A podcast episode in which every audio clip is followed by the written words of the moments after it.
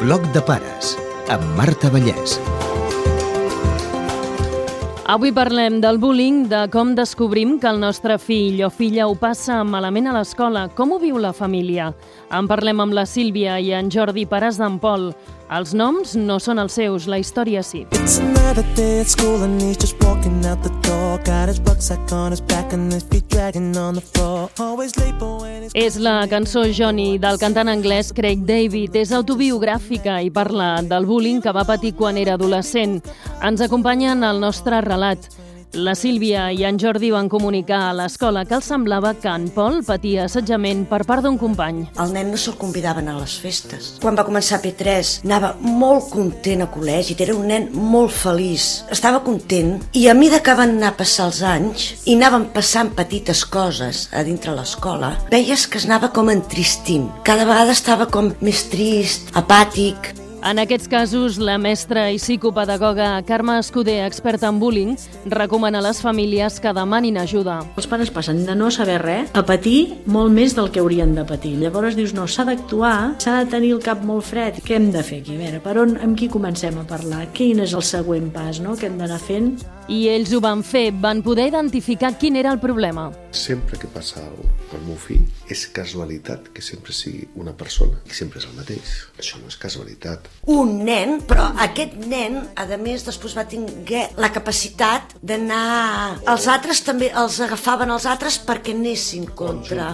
Els incidents van començar ja a l'etapa infantil. Un dia vaig a col·legi, a la tarda, a buscar-lo, i em diuen, porta la ungla negra. Ha anat al lavabo i ara obro, ara tanco la porta, ara un estirant per un cantó i estirant per l'altre. O sigui, el nano va anar al lavabo i a l'altre va anar darrere i no el deixava sortir. I l'altre volia sortir, pensa que se li va tinguer que drenar la ungla no sé quant durant de temps. No li sortia la sang. Un dia ens va venir, es dutxa i ell li veu una senyal de pal en el cul. I va continuar amb el canvi de cicle. Quan va començar la primària va ser quan van començar a veure coses més fortes. Es va començar a fer pipí al llit. Un dia va venir i va dir que amb un genoll inflat és que m'han trepitjat el genoll perquè he caigut i m'han començat a trepitjar el genoll. Jo me'n vaig anar a col·legi i dic, bueno, és que està passant aquí? És que és una classe molt difícil, ens costa molt de controlar-la. Dic, bueno, escolta'm, per això no pot ser. I el nen contra l'altre pel carrer dient-li la teva família m'està buscant problemes. I el nen no en volia parlar, no en deia res. Es va tancar amb ell mateix, perquè en el fons jo crec que tenia com una por a dir-ho. El punxaves i no hi havia manera de que parlés, fins que un dia ens vam posar molt serios i llavors aquell dia es va posar a plorar i llavors va sortir tot. I el tot era això. Que li havien baixat els pantalons a la classe, que quan marxava la senyoreta a l'altre aprofitava cogote, la insultava, soc testimoni que un dia vaig anar a buscar-lo i estaven jugant a bàsquet uns quants i de cop i volta veig que ve a l'altre i agafa la pilota i va aprofitar per fer-li la trabancata al meu fill, amb tota la malícia. Ho de parlar de dir alguna cosa que no et pugui agradar de deixar anar una altra mentida La Carme Escuder explica que sovint les víctimes de bullying no s'atreveixen a dir què els hi està passant. Les dues emocions que hi ha implicades en aquestes situacions de patiment són la vergonya i la por també. I aquestes dues són les emocions que ens petrifiquen més en els humans. No? A sobre hi ha nens que a vegades s'han queixat i llavors els hi diuen ah, això tu que no et saps defensar, no? I dius, no, no, la definició, ja dèiem, és que arriba un moment en què la persona, per valenta que sigui inicialment, ha esdevingut feble perquè té tothom en contra. Els pares no saben què va convertir el seu fill en víctima. Era molt obert. De petit era feliç i era molt sociable. No sé si això podria ser el motiu, i llavors a partir d'aquí aquest nen va canviar totalment el caràcter introvertit, que fins i tot potser encara li dura. Aquell tracte que tenien la gent i això, potser en algun moment encara està molt, A vegades molt també es retraïgut. posa a la, a la Molt defensiva, defensiu. però clar, això és el temps que ho acabarà d'arreglar. I tampoc no entenen per què l'escola mirava cap a una altra banda. No van tenir cap tipus d'ajuda. Que nosaltres, a primer i segon de primària, que realment és quan va sortir tot el tema, es va dir que es controlaria, que el vigilarien. Nosaltres vam confiar en l'escola, perquè ells ens van dir que els pares hi estaven posant tots els medis que podien i jo personalment vaig dir, jo confio en vosaltres. La Carme Escudé diu que en general a les escoles els costa admetre aquest problema. Tenen por, tenen por perquè no saben, eh, és destapar la capsa dels trons. No saben com afrontar-ho, eh, moltes vegades, cada vegada menys, diguéssim, perquè cada vegada es va coneixent més el tema i així, no? Nosaltres sempre diem a l'escola, no podeu dir que no amb els pares, no ho heu vist. Puede que como tú yo me sentía el que menos débil, frágil, cobarde, el que no pedía a nadie cuando echaban a. Els pares d'en Pol van entrevistar-se amb la tutora en la direcció del centre i el Departament d'Ensenyament. L'escola mai ha acceptat parlar de bullying.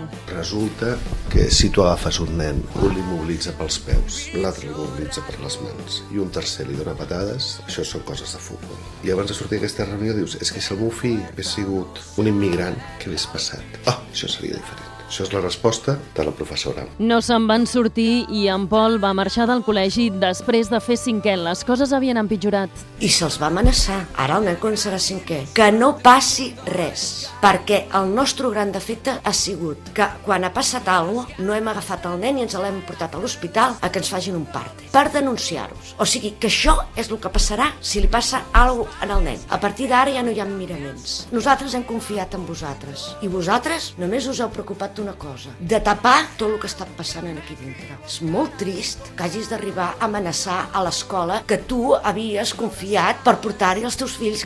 Que ser cobarde no es eso. El primer dia que jo el vaig portar a col·legi, jo pujava plorant, perquè jo pensava, estic deixant el meu fill, no sé el que li pot passar. I a l'altre amenaçant que la teva família em porta problemes, I la família en molts moments es va sentir indefensa. El més trist de tot és que en aquest nen s'empara a la persona que està creant aquest problema perquè no es vol, no és que no es pugui, no es vol obrir cap expedient i posar-hi realment un remei i les persones afectades han de marxar perquè ells no tenen protecció. A la nova escola, la vida del nen ha canviat. Molt content, se sentia com lliure, ha canviat el tipus de lletra, feia una lletra petita, esquifida, mal feta, ara fa una lletra grossa, l'entens, està més tranquil, s'ha obert, se'l convida a les festes, va a casa de nens. Aquí et demostra que no era un problema del nen, era un problema del que estava passant.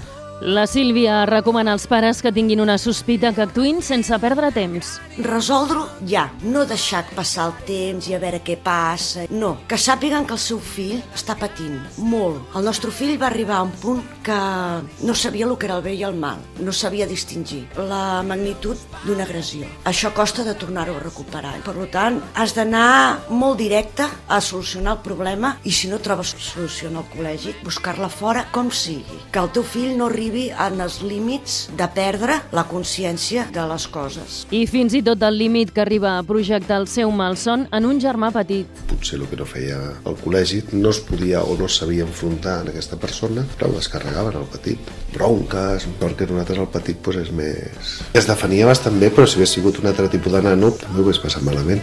Els pares lamenten haver esperat massa. Ha sigut molt de temps, la meva recança és que no me n'hagi donat compte abans. I que a l'escola també et tapaven el que estava passant. No volien buscar-se problemes. Jo, entre cometes, ho vaig entendre en un moment, ara no els hi perdono, perquè s'ha de saber distingir en quan hi ha una veritat o quan hi ha una queixa real o quan hi ha una queixa per queixar-se. I poder hi ha coses que t'han d'obrir els ulls i de dir, bueno, a veure, anem a vigilar-ho bé, això.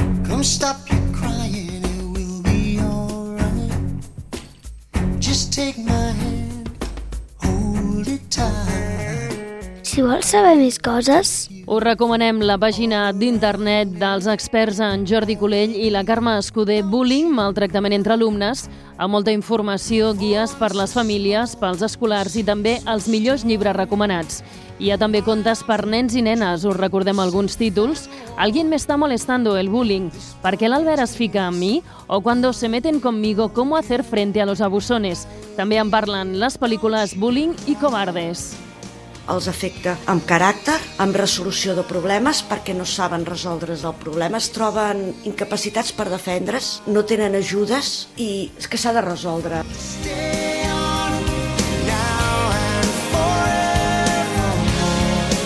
Que ens preocupa és, eh, si pensem en les competències bàsiques del departament, l'autonomia, la relació, la ciutadania, no? I això no hauria de passar. El respecte se'l mereix tothom i tothom té dret a que se'l tracti bé.